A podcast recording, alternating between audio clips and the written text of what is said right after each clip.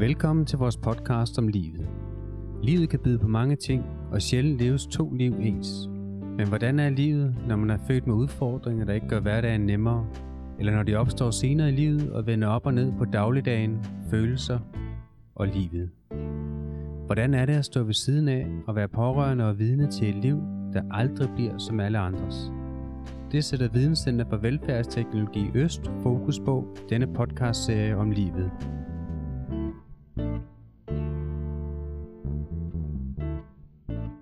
Hej Mikkel, hvem skal vi snakke med i dag?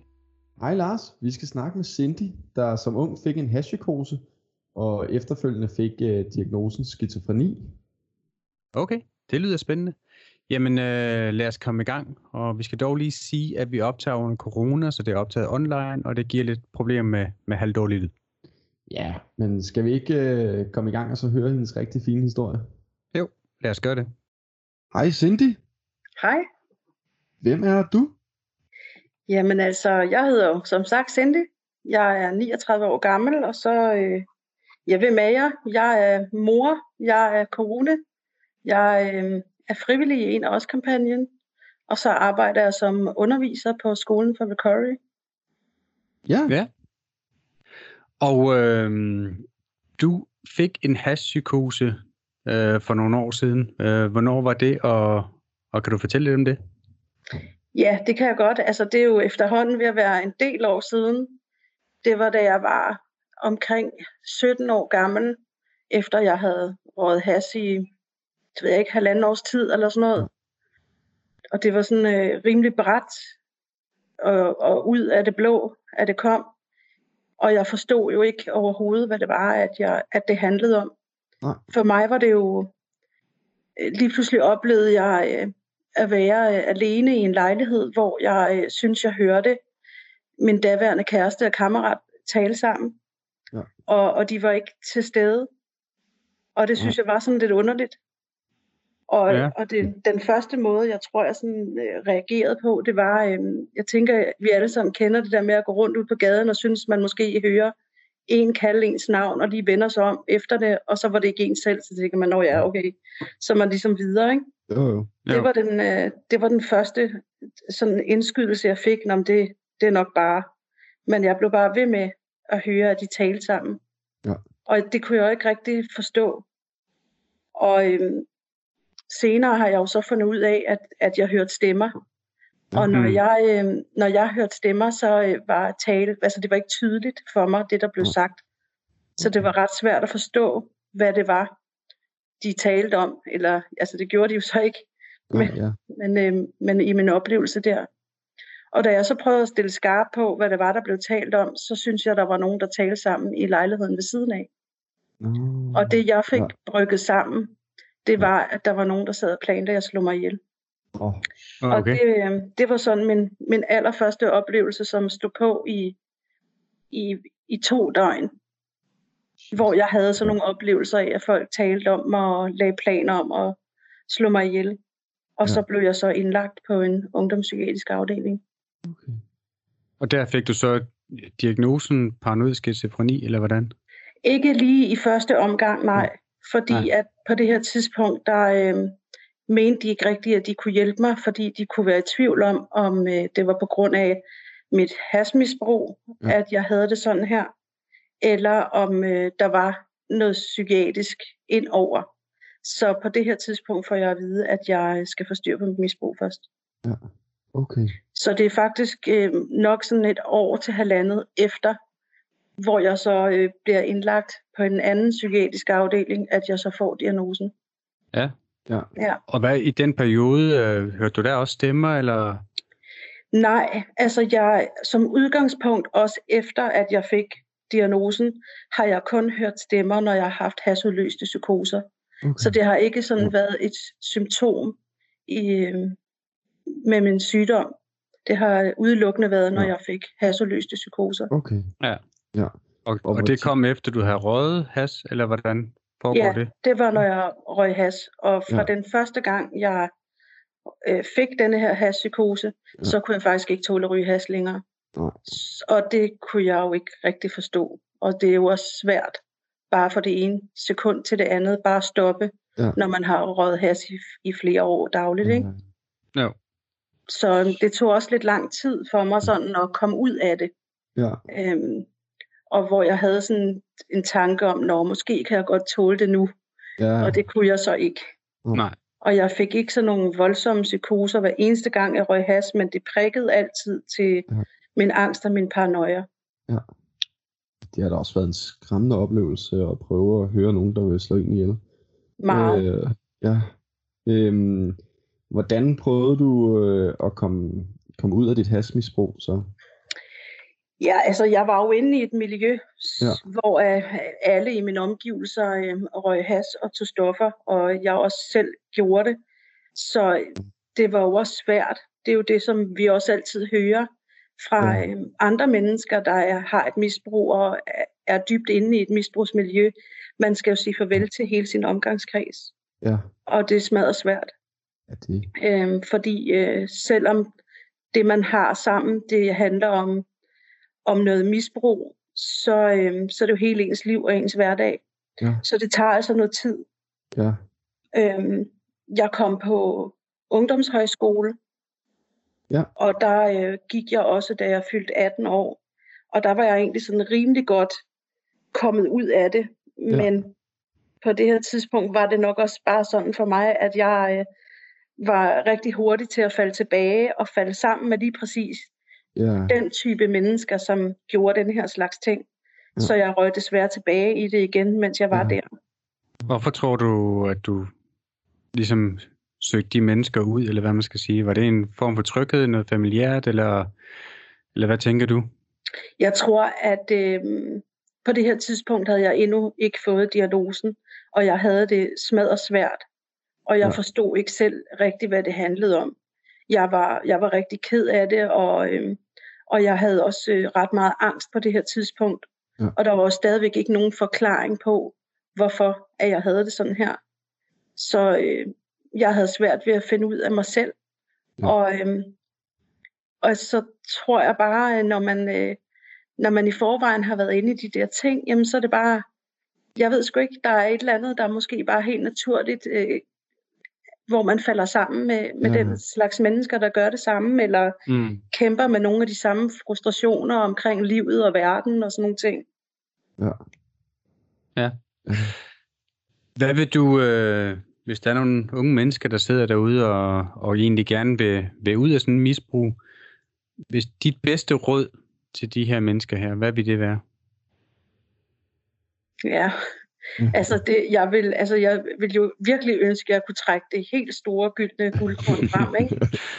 øhm, men det tror jeg desværre ikke, at jeg kan, Nej. fordi det er meget, meget individuelt, hvad det er, Ja. der hjælper os som mennesker, ikke?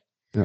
Men altså, øhm, en af tingene er jo selvfølgelig øh, at snakke med dem, man har omkring sig, omkring, at det her, det er skidesvært for en, og hvor end man gerne vil, og man gerne vil have hjælpen, så kan det altså være rigtig svært.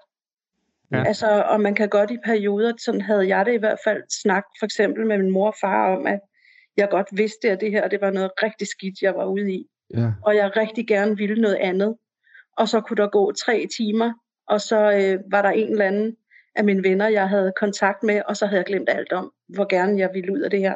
Mm. ja, Så, så det handler også om, øh, tror jeg, at have nogle tætte mennesker, som man er tryg ved, og som øh, gerne vil støtte en, også selvom man bliver ved med at dumme sig.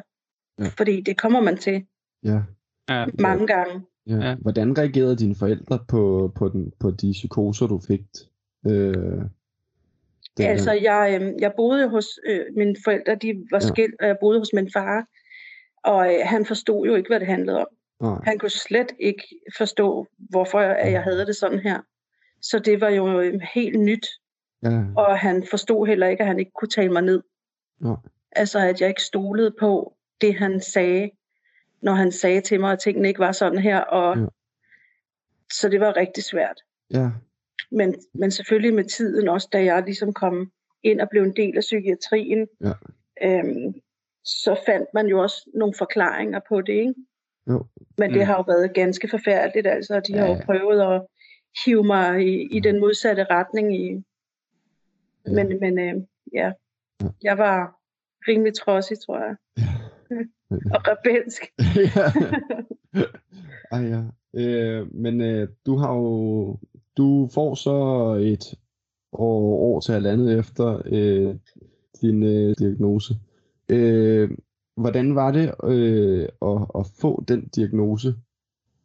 Ja, det var øh, skrækkeligt og ja. en stor lettelse på samme ja. tid. En lettelse, fordi at jeg øh, troede, at så øh, er der nogen, der ved, hvad de skal gøre, og nu kan de hjælpe ja. mig. Og så forsvinder det her. Ja. Og øh, forfærdeligt, fordi jeg virkelig følte mig stemplet. Ja. Jeg var øh, 18 år gammel, og hvad fanden skal jeg så med mit liv? Ja. Kan jeg overhovedet få noget ud af mit liv? Og jeg vidste jo heller ikke noget som helst om, hvad en paranoid skizofrenidiagnose var. Nej, det eneste, nej. jeg vidste, det er det, som man hører i medierne, og ja. det, det er ikke så pænt, eller hvad man skal sige, ah. det billede, man får. Fordi mm. øh, det er jo typisk nogle ret tragiske ting, man hører ja. om. Er jeg så også sådan? Ja. Tænkte jeg. Ja. Øhm, og hvad med alle de ting, jeg havde drømt om, jeg skulle med mit liv? Ja. Hvad med børn og familie og uddannelse og job? Og hvad med ja. dem, jeg kendte, da jeg gik i skole? De kørte med 300 km i timen og holdt fester og havde det sjovt ja. og var i gang med uddannelser. Og her sad jeg på en psykiatrisk ja. afdeling og havde det ganske færdigt. Ja. Så, det, var, ja. det var ikke så, så sjovt. Hvilke fordomme øh, mødte du altså der som 18-årig med den? Øh, kan du prøve at forklare nogle af de fordomme, du mødte? Og altså, øhm, jeg ved ikke, jeg, jeg husker faktisk ikke rigtigt, at jeg sådan har mødt specielt mange fordomme. Ja. Og om det så har noget med at gøre, at jeg var i mit eget ja. øh, forfærdelige lille rum, eller hvad man skal ja. sige, at jeg kunne jo nærmest kun koncentrere mig om, hvor, hvor dårligt jeg havde det, ja. og hvor bange jeg var, og hvor meget jeg skulle holde øje med, at der ikke skete mig noget.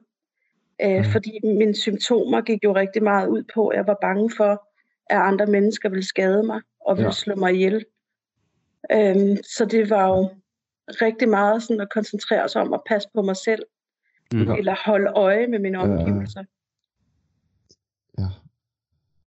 Så kan du... jeg tror, at de værste, de værste ting, der sådan har været, det skulle nok min egen selvstigmatisering. Ja. At jeg har øhm, stigmatiseret mig selv, at jeg, det er også for dårligt, jeg ikke kan, og ja. Det her kan jeg så heller ikke finde ud af, fordi jeg ja. også er syg. Og... Ja. Det er jo også et helt vildt pres at lægge på sig selv. Øh, ja. Jeg tror, der er mange, som... Øh, altså, man, man kender ordet skizofren, øh, men jeg tror, der er rigtig mange, som faktisk ikke helt præcis ved, hvad, det, hvad den sygdom den handler om. Kan du, ja. kan du prøve at, at forklare, hvad skizofreni er, og så hvordan det, du ligesom har mærket den her sygdom på dig selv? Ja, altså skizofreni dækker jo over overdrevet mange symptomer, ja. og det er jo, der er jo nogle træk, der vil gå igen, øh, som dem, der har den diagnose, kan, kan genkende, men det er jo også vidt forskelligt alligevel. Ja. For mig, der var det en rigtig meget, jeg havde vildt meget angst, ja. og jeg havde rigtig mange paranoia. Og mine paranoia, de viste sig på den måde, at jeg blev bange for, at folk de snakkede om mig. Mm. Så hvis jeg øh, for eksempel øh, var på en café, så skulle jeg altid sidde, sådan så jeg kunne kigge på, øh, på døren, hvor folk kom ind. Fordi ja. så kunne jeg holde øje med, om der kom nogle mistænkelige personer mm. ind, og om jeg skulle passe på, ja. når der kom nogle mistænkelige ind. Det kunne også være noget med folk, som jeg ikke kendte, der sad ja. på den her café, de havde en samtale, og hvor jeg ud af den samtale måske kun kunne høre nogle få ord. Ja. Men så var det nogle ord, der triggede et eller andet inde i mig, ja. og så begyndte jeg at spænde på den her samtale, og så fik jeg det til at handle om mig på en negativ måde. Og mm. så satte det i gang i min angst, ja. og så kunne min angst blive så voldsom, at jeg ikke kunne holde ud at være der, og jeg skulle væk. Mm. Så det er en af de, de ting, som jeg gjorde rigtig meget. Ja, det har også været... Hørte du også, øh, er det kun i hashpsykosen, du hører stemmer, eller har du gjort det efterfølgende også? Det har jeg kun gjort, når jeg har haft hashpsykoser. Ja. Og jeg stoppede så, øh, jeg da jeg var 20 år gammel, flyttede jeg ind på et øh, bosted, hvor jeg Ja. boede i, i 8 år. Og øh, da jeg flyttede ind der, der var mit misbrug fuldstændig slut. Okay. Mm. Øhm, fordi Nå. jeg fik det simpelthen også så dårligt. Jeg kunne, altså, fik det dårligt, når jeg røg has eller tog stoffer. Ikke? Ja. Og det har mest været hassen, der var mit problem, men jeg har Ja. også indimellem taget andre ting. Ikke? Ja. Jo. Men det sluttede fuldstændig, da jeg var Ja. 20. Og så boede du på det her bosted i Odo. Hvad var, hvad var det for et bosted? Det var sådan en, øh, en døgninstitution altså for, for udsatte unge med psykiatriske pro, øh, pro, problematikker. Ikke? Mm. Ja. Ja. Så der havde jeg sådan min egen lille, eller jeg havde to værelser og mit eget bad og toilet, og, Ja. og så fælles køkken og sådan noget, ikke? Jo. Ja. Og så gik du i gang med din udredning øh, på dit bosted? Eller kan Ej, du- der havde jeg fået, altså Der da havde jeg, var, da jeg blev indlagt Ja. på den her ungdomspsykiatriske afdeling, hvor jeg fik den, der var jeg indlagt i et år. Okay, Og da jeg kom Ja. ud derfra, der flyttede Ja. jeg ind på det her bosted. okay. Så du var simpelthen på psykiatrisk afdeling et helt år? Ja. Hvordan var det? Ja, det, Øhm, det var både godt og frustrerende. Altså, Ja. det går jo langsomt. øh, Ja. Og øhm, Ja. det var også der, jeg altså startede op i medicin, da jeg fik diagnosen der. ikke. jo. Og det var rigtig svært at finde noget medicin, der hjalp mig. Ja. Så jeg var igennem rigtig mange medicinskift, og det tager altså sin tid. Ja. Først så skal man trappe op, det tager en, en vis rum tid. Ja. Så skal man se, om det har en effekt, og har det ikke det, så skal du trappe langsomt ud, før du kan starte op på noget andet, og det tager Ja. ja. ret lang Ja. tid. Ja, Og det er fordi, det er sådan nogle stærke stoffer, øh, simpelthen. Ja, altså generelt med sådan medicin skal man jo Mm. altså have en vis optrapnings- og udtrapningsperiode, altså for at Mm. kroppen Ja. kan følge med, ikke? Men Kan du huske, Og- hvorfor nogle øh, typer af medicin, de, øh, du fik afprøvet? Ja, øh, nogle af dem kan jeg da i hvert fald. Det var, øh, for eksempel var det noget, der hedder Cisordinol. Ja. Noget, der hedder Cyprexa. Og ej, der er et til, som også er sådan rimelig typisk. Øhm, nå, det, de to var det Ja. i hvert fald. Ja. Ja. Og så, så endte jeg på øhm, et ret gammelt præparat, som hedder Livonex. Ja. Øhm, Og det havde den bedste effekt, eller hvordan? ja, det, på det her tidspunkt havde det. Øh, det har desværre bare også ret mange bivirkninger. Det er et Ja. meget gammelt, Ja. hæftigt øh, præparat. Ja. Hvad var det for nogle bivirkninger? Jamen, for eksempel så øh, tager man typisk ret meget på. Ja. Men øh, jeg fik rigtig meget mundvand af det. Og det betød, at jeg, øh, at jeg savlede. ja. I, altså Mm. ikke sådan bare sad, hvor savlet Nej. løb ud, vel? Men, Nej. men jeg, havde, det, jeg havde ret meget mundvand, og specielt var det, når jeg sov. Så Mm. min hovedpude blev mega våd om natten. Og det var bare sådan nogle ting, hvor at, ej, det er sgu ikke sjovt. Ej, Altså helt ærligt. Man Nej, sidder der som, ikke, øh, som 20-årig, det er sgu ikke fedt. ej, Nej. det lyder da godt. Det er det sgu ikke. Nej. Og jeg blev træt. Voldsomt træt. Og hvordan øh, står det til med, med medicinen i dag så? Øh, Jamen altså, jeg blev jo afsluttet efter at være patient i psykiatrien i 17 år, og jeg Ja. får ikke længere medicin. Nå, ej, tillykke med det. Tak. Ja. Og symptomerne har du godt styr på også, så, og Jeg har ikke længere nogen symptomer. ja, hvor fedt. Det er meget godt at høre. Det er Øh, rigtig dejligt. Kan du, øh, kan du så prøve at tage os med på den proces, der går fra øh, altså på bostedet til, hvor du altså så er i dag, hvor at du ingen symptomer har og medicin fri? Ja, det kan jeg. Ja. Altså, jeg valgte at flytte for det her bosted efter 8 år. Ja. Og øh, der bliver jeg så tilknyttet en ny distriktspsykiatri, hvor jeg får Ja. ja. en ny behandler, som øh, jeg ser som verdens bedste behandler. Ja.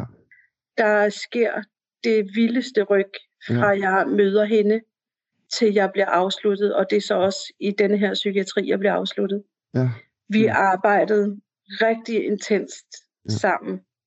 Vi øhm, arbejdede rigtig meget med kognitiv terapi, Ja. med forskellige skemaer i kognitiv terapi og diamanten i Ja. kognitiv terapi. Jeg har været ude i verden og øve nogle af de situationer, Ja. jeg følte som meget farlige. Ja. Hvor jeg var ude og gøre det igen og igen og igen. Ja. Hvad, hvad var det for nogle situationer, for eksempel? Øh, for eksempel så skulle jeg tvinge mig selv til at gå ned og handle i et supermarked. Ja. Og så Ja. skulle jeg lægge en plan for, hvordan jeg skulle gøre de forskellige ting, hvis jeg blev ramt af et angstanfald, mens jeg var ude at handle. Der var et kryds, når jeg gik op til psykiatrien og skulle snakke med min øh, primærbehandler, hvor der var rigtig mange lastbiler. Og ud af det blå var jeg altså på et tidspunkt blevet meget bange for lastbiler. Ja. Så det var meget angstprovokerende for mig at gå over det her kryds. Ja. Og så lavede vi en aftale om, at til næste gang vi havde en aftale, så skulle jeg øh, bruge en dag på, så skulle jeg bruge 20 minutter på at gå sammen, øh, frem og tilbage over det kryds. Altså, og så når jeg kom over på den anden side, så skulle jeg have min vejrtrækning med, jeg skulle tænke over øh, alle de her ting med, hvor realistisk er det, at, det, at der sker noget med dig på grund af den her lastbil, og altså sådan prøve at finde roen, når jeg var landet på den anden side af det her kryds, inden jeg gik over igen. Ja. Så på den måde har jeg kastet mig selv ud i situationer, øh, som jeg har været rigtig bange for. Og Ja. så prøve at tænke alle de her redskaber med, som jeg har fået af, af min primære behandler. Ikke? Jo. Og så Så- gennemgik vi situationerne næste gang, vi så Ja. ja. hinanden. Ikke? Øhm, ja, så simpelthen sådan en eksponeringsterapi. Lige præcis. Faktisk. Yes.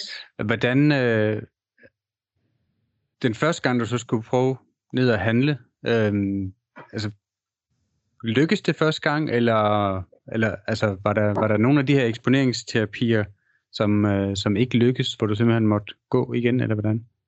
Det har der været masser af gange. Ja. Ja.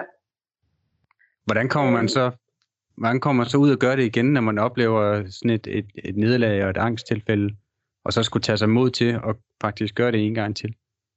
Jamen, altså, vi har, vi har jo talt rigtig meget om de situationer, øh, når vi så har været sammen, ikke? Og mm. så har jeg no, er det nogle gange endt med, at jeg så har haft hende med, ikke? Jo.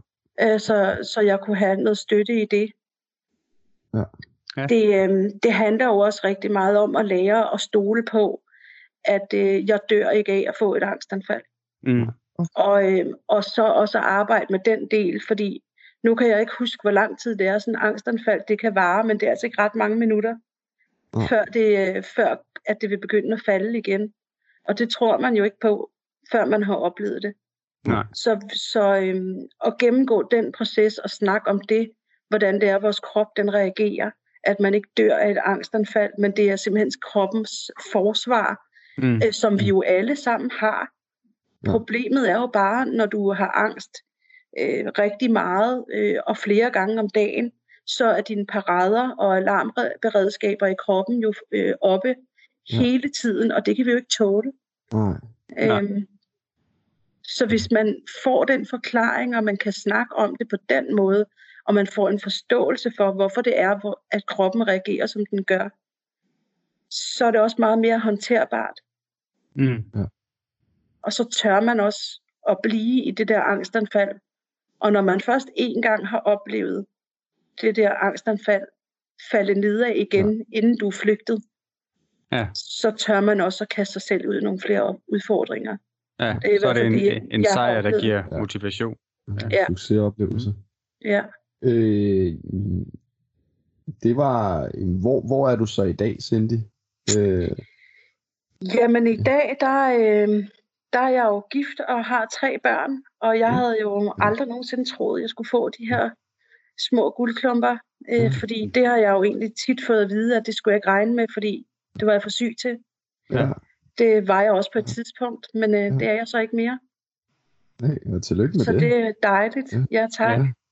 Ja. Og så, øh, ja. ja, Og så du er, jeg jo, du, er, du er på vej ud af en førtidspension, ikke? jo, Ja. det er jeg. Jeg fik øh, tilkendt førtidspension som 23-årig. Ja. Og, og nu er jeg jo så, som sagt, 39. Ja. Og har kastet mig ud i at arbejde, få et arbejde på 30 timer og fase ud af min førtidspension. Okay. Mm. Fordi det føler jeg er klar til. Ja. Det har været et meget stort skridt, og jeg har selvfølgelig ja. skulle tænke mig rigtig meget om. Men jeg har mange år tilbage på arbejdsmarkedet, og, øhm, og jeg, jeg, jeg kan godt nu. Ja. Ja. Ja. Så, øhm, så det er den vej, jeg har valgt at gå nu. Ja, Hvor- hvordan er den følelse af at begynde at trappe ud af sin, sin førtidspension? Jeg, altså, jeg var faktisk virkelig, jeg har været tænkt, haft tanken om at skulle gøre det i flere år. Og så har jeg egentlig haft sådan lidt, nej, det sgu egentlig fint nok. Jeg kan, det, det er også det her sikkerhedsnet. Så det Ja. har Mm. faktisk været en meget svær beslutning. Ja. Øhm, men det føles ret fedt at gøre det. Ja. Og, øh, og jeg har stor opbakning fra, fra kommunen, som jeg også var faktisk skide bekymret for, hvordan de ville reagere, når jeg sagde det. Ja. Så, men det er ret fantastisk, den måde, de, øh, de har støttet mig i det på. Ja. Så Det er godt at høre. Ja. det er faktisk ret dejligt. Øhm, men du har jo også arbejdet nogle år nu, øh, eller Det noget tid jeg. i hvert fald, ikke? Hvad, hvad er det, du arbejder med til daglig? Altså, jeg startede 1. marts som underviser på skolen for recovery. Ja. Og hvad er det Og- for en skole? Jamen, det er jo en skole, der, lø- der ligger øh, i Region Hovedstadens Psykiatri, som afholder kurser for patienter, pårørende og personale. Ja. Øh, og vi er altid en sundhedsfaglig og en underviser med brugerbaggrund, der underviser ja. i kurserne sammen. Okay. Ja. Og, og hvordan er det at, at, at kan man sige, bruge sine egne øh, erfaringer fra psykiatrien i, i undervisningen? Altså øh, faktisk så øh, kan jeg ikke helt svare på det, fordi jeg startede 1. marts, og så Ja. mødte jeg ind i halvanden uge, så Nå. lukkede hele verden ned. Så jeg har okay. faktisk ikke nået det endnu. Men, Men, Øh, jeg Du har jo så- arbejdet på et bosted før, ikke? Det har jeg nemlig. Ja. Inden jeg fik det her job, der arbejdede jeg som recovery mentor på Psykiatrisk Center Amager. Og det Ja. gjorde jeg i to og et halvt år. Ja. Og der har jeg brugt min egen erfaring for personale og beboere på botilbud. Ja. Og så har jeg undervist studerende, på, som blev tilknyttet Psykiatrisk Center Amager. Så Ja. det med at, at bruge min egen erfaring i at undervise og holde oplæg, har jeg jo gjort rigtig meget, også igennem en af os, Ja. som Mm. jeg jo har været med i den kampagne i syv år. Ikke? Jo. Jeg kan rigtig godt lide at um, bruge min egen erfaring, både til at holde oplæg og undervise. Ja. Fordi at jeg um, synes, det er rigtig vigtigt at bringe den her viden videre. Jeg synes, det er um, en anderledes måde at lære på, end at ja. læse i en bog, når der Mm. står en og kan fortælle ja. om, hvordan det opleves på egen krop. Ja. Og så synes jeg også bare i virkeligheden, det er helt vildt fantastisk at få lov til at bruge de her erfaringer konstruktivt. Ja. Ja. Altså, så har det ikke været forgæves på en eller Nej. anden måde Nej. at gå det her igennem. Ja. I de perioder, hvor du havde det øh, rigtig skidt, øhm, Mm. hvad, hvad kan du sådan, hvis du tænker lidt tilbage, var der noget, som, som kunne gøre dig glad, og som gav dig noget lys? Øh, altså jeg tænker sådan, hvad, hvad var livskvalitet for, for dig på det tidspunkt? Jamen, det har helt sikkert været min, min familie, altså min nære familie. Dem, som har Øhm, hjulpet mig og støttet dig? Øh, Ja. Ja. Og det var også rart at, at komme hjem. Altså, jeg havde det jo, jeg, altså, jeg var meget energiforladt. Ja. Og jeg har Ja. faktisk haft det ret meget sådan igennem mange år, at hvis bare jeg kunne få lov at sove, og så vågne op, når jeg en dag havde det godt. Ja. Og, øhm, og jeg ved godt, at der skal være nogle rammer og nogle regler og nogle strukturer, når man bor på et bosted. Mm, Men hold det op, hvor var jeg ikke glad for det. Altså, Nej. altså for rammer og regler. Ja. nej. Øhm, og jeg skulle jo op om morgenen, ikke? og det var jeg ikke så god til. nej. Så jeg synes, det var ret fedt, når jeg kunne få lov til at komme hjem, fordi så kunne jeg få lov at sove længe. Ja. Altså, så på den måde, så... Øh, ja, hvad fanden har egentlig holdt mig oppe? Det er der jo et eller andet, der har gjort. Ja. Det er jo heller ikke sådan, så jeg har haft det hammerne skidt hele tiden. Jeg har jo også i løbet af en dag, hvor jeg har haft det øh, dårligt, måske lad os sige 50 gange, så har der måske været 10 gange, hvor jeg lige har haft øh, en kort periode i løbet af dagen, hvor jeg har haft det nogenlunde. Ikke? Mm, Og jeg har jo heldigvis også haft rigtig mange dejlige oplevelser igennem årene, også hvor jeg boede på det her bosted. Ja. Vi var jo på ferie om sommeren, og vi har været til fodboldkampe, og mm, vi havde fællesspisning hver mandag. Jeg, jeg gik også i skole, mens Ja. jeg var der i perioder, når jeg kunne. Ikke? mm, Så det hele har jo ikke været forfærdeligt. nej. Men sådan øh, generelt har der jo hver eneste dag i rigtig mange år, har det været smadret svært. Ja. Øh, må også være en kæmpe lettelse, så kom over det nu. Øh, Ja. meget. Ja. Altså det er faktisk helt svært at forstå, at, at det er 100% væk. Ja. Hvordan kan det gå fra at være Ja.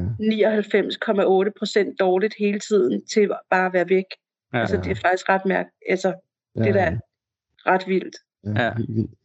Øh, Men det er også meget livsbekræftende at høre, at det, at, at det også sker, ikke? Jo, Øh, og hvordan Hvad- har det, det- det- været at oh, bare køre, Lars? Ja, øh, jeg tænkte lige på, det bedste øjeblik, du kan huske fra den periode, hvor du, hvor du var syg og boede på bosted og så videre.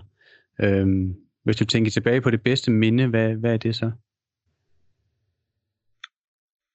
så har det da helt sikkert været øh, nogle af de situationer, hvor vi har haft fællesspisninger, eller hvor vi har lavet noget sammen, også for altså os unge, der boede der. Ikke? Ja. Det var skide hyggeligt, når vi samledes hver mandag og var med til at lave maden og sætte os ned og spise det. Vi havde også øh, øh, et par år i træk, hvor vi lavede sådan noget tøsetur, hvor det kun var tøserne, og så Ja. ja. nogle af de kvindelige øh, personaler, som tog på tøsetur. Vi var for eksempel i Lalandia, og så spillede vi natbowling. Nej. Altså, så vi har da haft nogle skide sjove oplevelser. Mm. så, så det der sociale samvær Ja, et eller andet sted kan styrke. Ja. Ja. Og så har det også, øh, altså efterfølgende, hvor jeg øh, har været væk derfra i mange år, så er de faktisk begyndt at holde sådan noget åbent hus.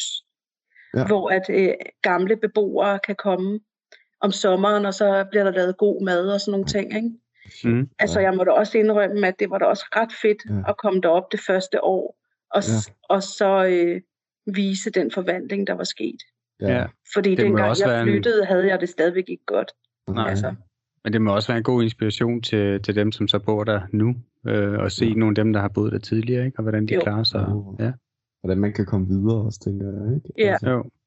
det er jo en kæmpe sejr, altså tænker jeg også for dig, at altså, have muligheden og, og det at have stiftet en familie og, og fundet en mand, ikke? Øh, Jo. Det må Jo. også have været helt vildt. Øhm, jeg tænker, øh, Cindy, er der noget her på, på falderevet, som du vil slutte af med at, at sige, eller et godt råd til, til andre, der, der er i din situation, eller er på vej ud af Ja. det? altså det her med at have håbet og troen på, at tingene godt kan blive anderledes, Mm. det synes Mm. jeg er simpelthen så vigtigt, så vigtigt.